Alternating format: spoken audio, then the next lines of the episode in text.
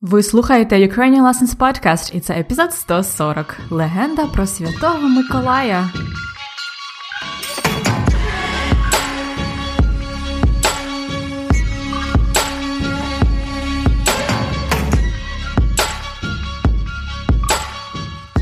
Привіт-привіт! Це Анна Огойко, і ви слухаєте подкаст Уроки української. Подкаст для всіх, хто вивчає і любить українську мову. Це 140-й епізод, четвертий сезон. Ого, далеко ми зайшли.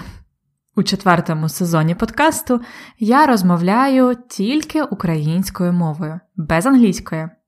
Тому це хороша практика занурення в мову, тобто англійською language immersion. Так, я казала, що без англійської мови. Добре. Занурення в мову. Така практика корисна для тих, хто вже на високому чи високому середньому рівні української. І також я знаю, що саме четвертий сезон корисний для тих, хто добре знає інші слов'янські мови, зокрема для поляків чи росіян. Мені завжди дуже приємно отримувати ваші листи, і інколи я отримую листи з Росії. Якщо я не помиляюся, в Росії немає українських шкіл, і майже немає зараз можливостей вивчати українську мову. Хоча, звичайно, українська спільнота в Росії дуже велика. Тому я завжди рада, коли дізнаюсь, що в Росії вивчають українську мову з моїм подкастом.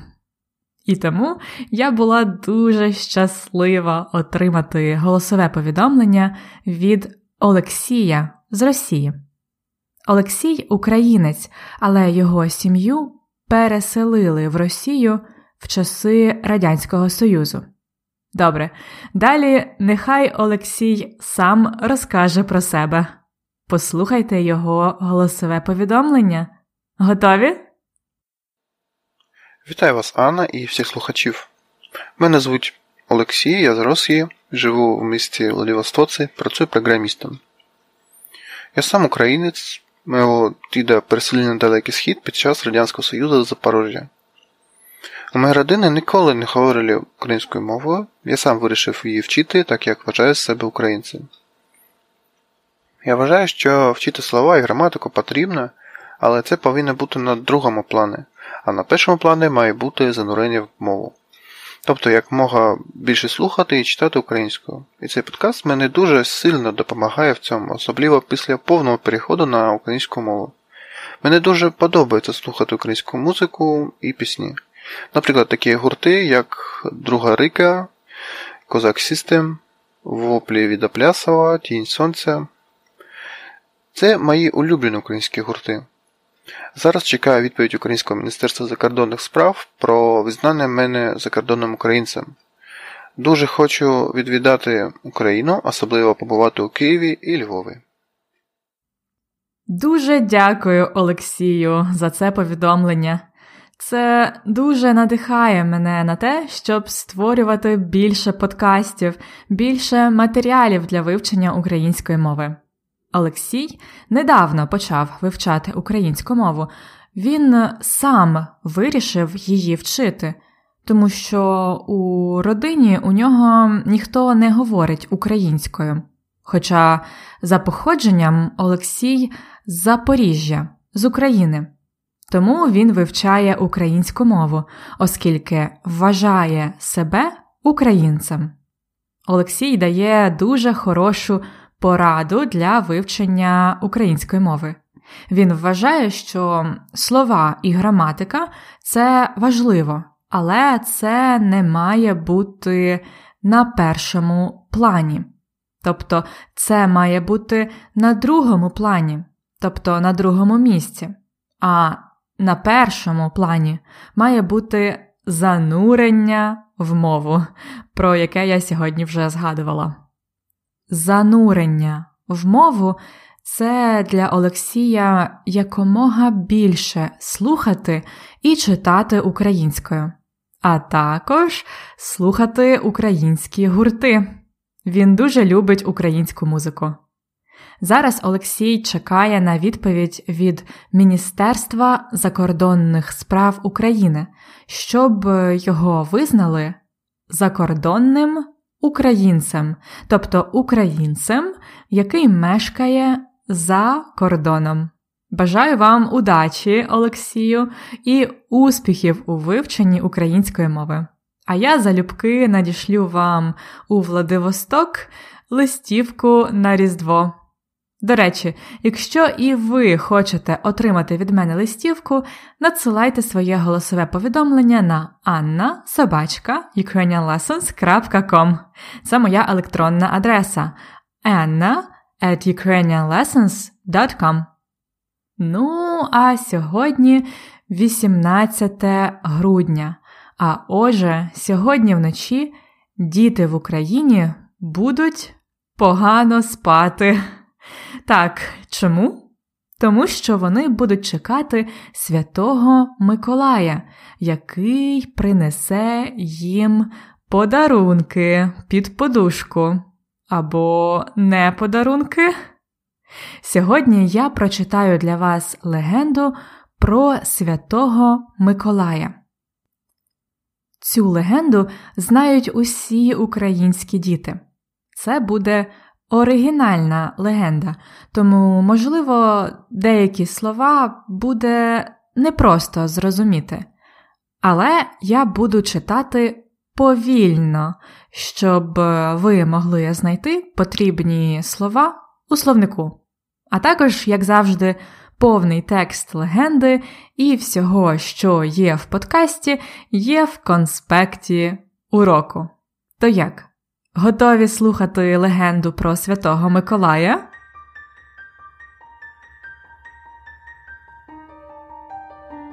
Легенда про Святого Миколая.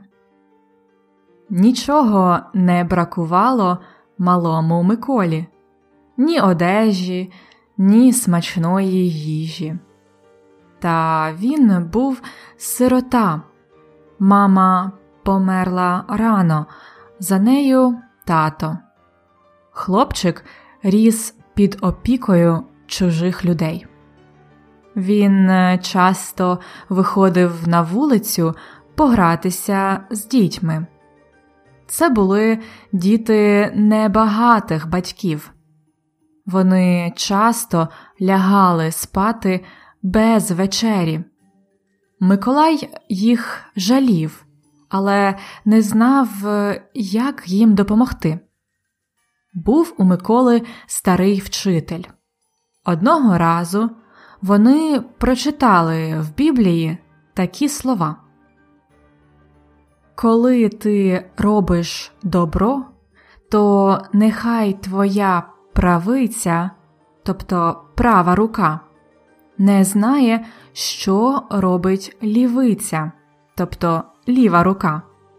Коли ти робиш добро, то нехай твоя правиця не знає, що робить лівиця. Як це розуміти? спитав Микола учителя.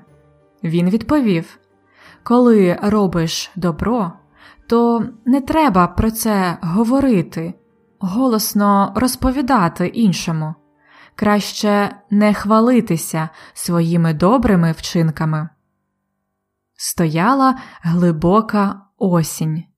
Микола знав, що багато діток в його околиці живуть бідно, у голоді і холоді.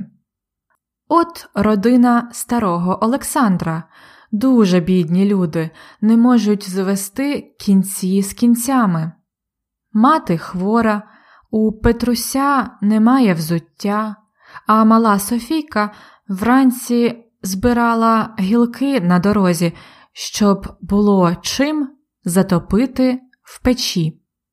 Ввечері Микола тихо, щоб слуги не бачили, підкрався до комори, набрав у торбину борошна, налив пляшечку олії, набрав повні кишені яблук. У своїй скрині відшукав е, пару нових шкарпеток та нове взуття. А коли всі в домі спали, Микола тихесенько, як мишка, вислизнув з ліжка. Пробрався до порога Олександрової хати, поклав там торбинку та й побіг назад. Вранці старий Олександр не міг натішитися щедрими подарунками. Але хто це міг зробити і кому дякувати? З того часу Микола часто робив такі дарунки бідним сусідам. Люди молили Бога за невідомого, який допомагає їм. Та ніхто не здогадувався, що то був Микола. Миколині слуги стали помічати, що зникають харчі та одяг з комор, стали пильнувати. Одного разу, коли Микола тільки но склав торбинку та вийшов зі свого подвір'я, його наздогнав старий слуга. Думав, що то злодій. Тоді й стало відомо, хто піклується про бідних. Минули роки. Микола вивчився, став священником. Усе своє майно роздав бідним людям і служив їм як тільки міг. За це Господь дав йому сили творити ще більше добра. Він лікував хворих, допомагав в'язням, а коли він помер і постав перед Богом, Бог промовив до нього. Багато, Миколо, ти зробив добра за своє життя. За це я виконаю будь-яке твоє бажання. Чого ти хочеш? Миколай недовго думав і відповів Дай мені, Боже, бодай один раз на рік сходити на землю та дарувати діточкам подарунки. Відтоді, кожного року, у ніч з 18 на 19 грудня, святий Миколай сходить з небес на землю і робить кожному з нас такі несподівані, але приємні подарунки.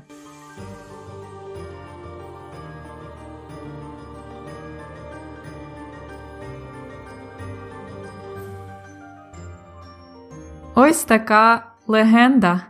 Я знаю, можливо, вам було важко зрозуміти всі слова, але головне тут е, зрозуміти саму ідею, хто був святий Миколай і як він допомагав е, дітям і бідним людям. Цю легенду знають всі українські діти, тому вони чекають на святого Миколая у ніч з 18 на 19 грудня. Хоча деякі діти, може, і не чекають, тому що якщо вони були неслухняні, тобто погано слухалися, погано поводилися протягом року, то святий Миколай може принести їм замість подарунків різочку, тобто таку гілку з дерева, якою можна когось побити. О, ні. Краще вже добре поводитись, бути слухняними весь рік. Крім того, що свято Миколая це подарунки для дітей, це також допомога для тих, хто цього потребує. Наприклад, для людей, які живуть на вулиці, чи для дітей у дитячих будинках. Традиційно на День Святого Миколая деякі люди займаються благодійністю, тобто допомагають фінансово чи купують речі для людей, які їх не мають. Ось таке одне з перших українських зимових свят День Святого Миколая. А ви будете святкувати?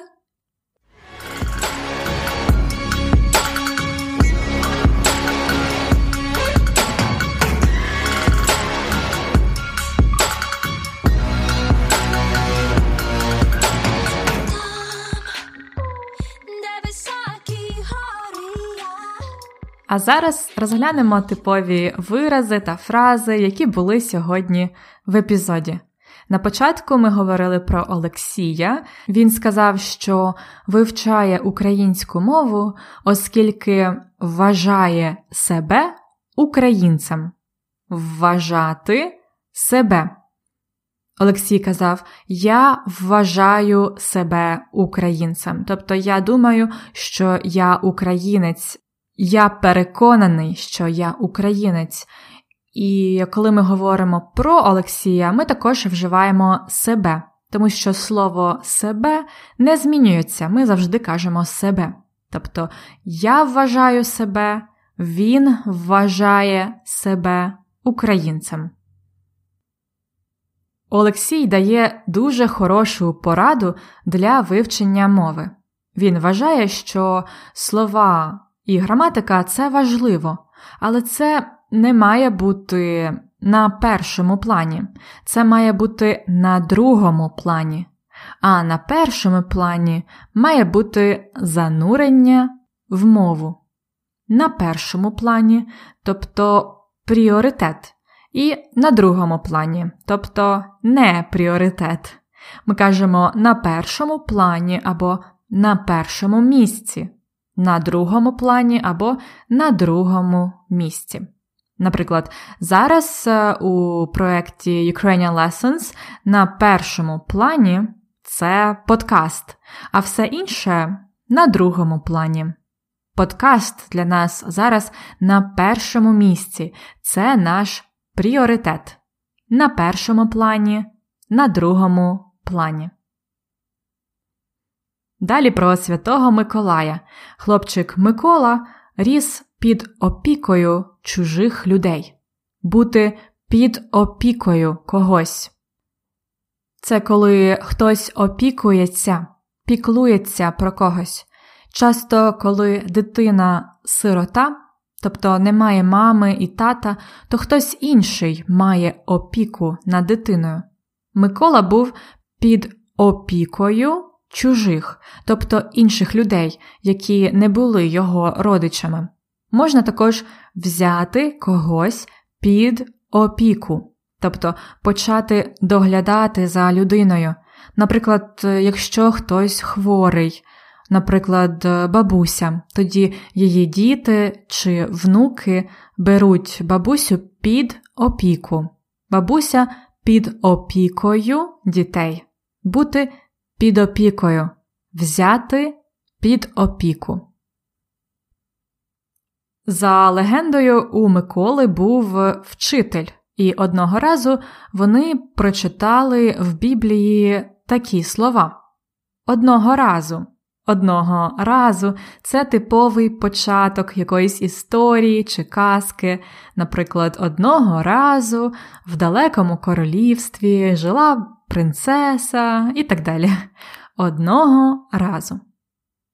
У легенді була історія про родину Олександра.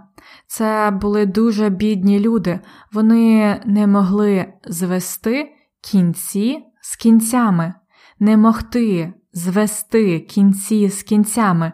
Це фразеологізм досить типовий, який означає бути дуже бідним не могти нормально жити через те, що їм чогось бракує, немає достатньо їжі, одягу, не могти звести кінці з кінцями. І якщо казати не в заперечній формі, а просто звести або зводити кінці з кінцями, це означає боротися з матеріальними проблемами. Наприклад, щоб якось зводити кінці з кінцями, вона працювала на двох роботах зводити або звести кінці з кінцями.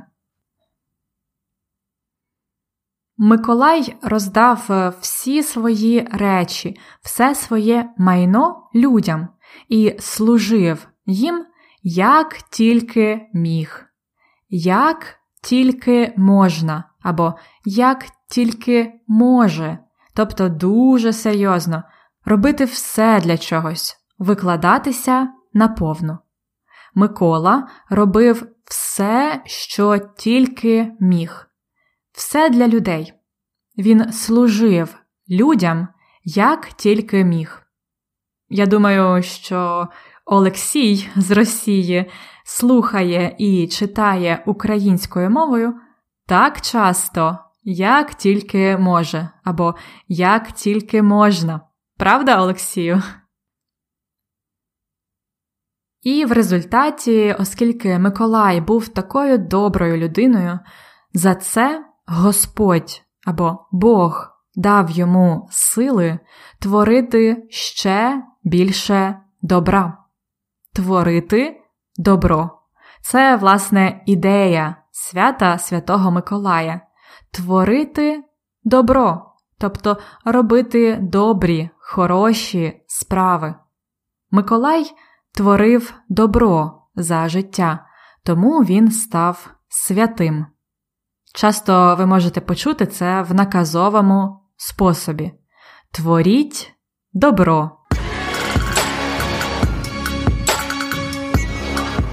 Цікавинка з граматики. Перед тим як послухати голосове повідомлення Олексія, я сказала: Добре, далі нехай Олексій сам розкаже про себе.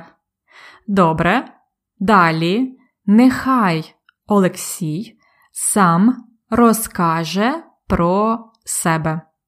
Нехай Олексій розкаже про себе, або Хай Олексій розкаже про себе. Це форма наказового способу, коли ми говоримо про третю особу, тобто він, вона, воно чи вони. Ми вживаємо хай чи нехай, плюс ім'я людини чи іншого суб'єкта, плюс дієслово. Дієслово може бути в теперішньому часі. Це переважно якісь дії, які мають повторюватися. Наприклад, хай Олена пише мені на електронну адресу, а не телефонує мені. Нехай вона пише мені на електронну адресу, тобто постійно. Або в легенді ви почули сьогодні такі слова з Біблії. Коли ти робиш добро, то нехай твоя правиця, права рука, не знає, що робить лівиця. Нехай твоя правиця не знає, що робить лівиця. Це ідіома, так, це певна істина з Біблії, тому це теперішній час. Або можемо вживати хай нехай плюс майбутній час. Як я сказала, хай Олексій сам про себе розкаже. Тут ми вживаємо саме таку форму розкаже, а не буде розказувати. А ще інколи ми вживаємо хай і нехай з умовним способом, тобто дієслово в минулому часі плюс б. Тоді б або б вживаємо після хай нехай. Наприклад, нехай би вона мені зателефонувала. Хай би вони прийшли сьогодні. Це така форма, яка означає якесь побажання. Тобто це не обов'язково наказ, ми не обов'язково кажемо комусь щось зробити. Це також може означати просто моє бажання. Я можу подумати, хм, я би хотіла, щоб вони прийшли сьогодні. Або я можу подумати, було б добре, щоб вони прийшли сьогодні. Або так само. Хм, хай би вони прийшли сьогодні.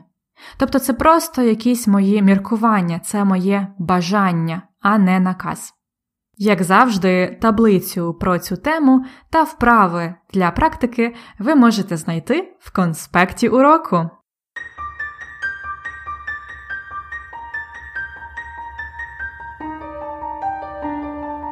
А на сьогодні все.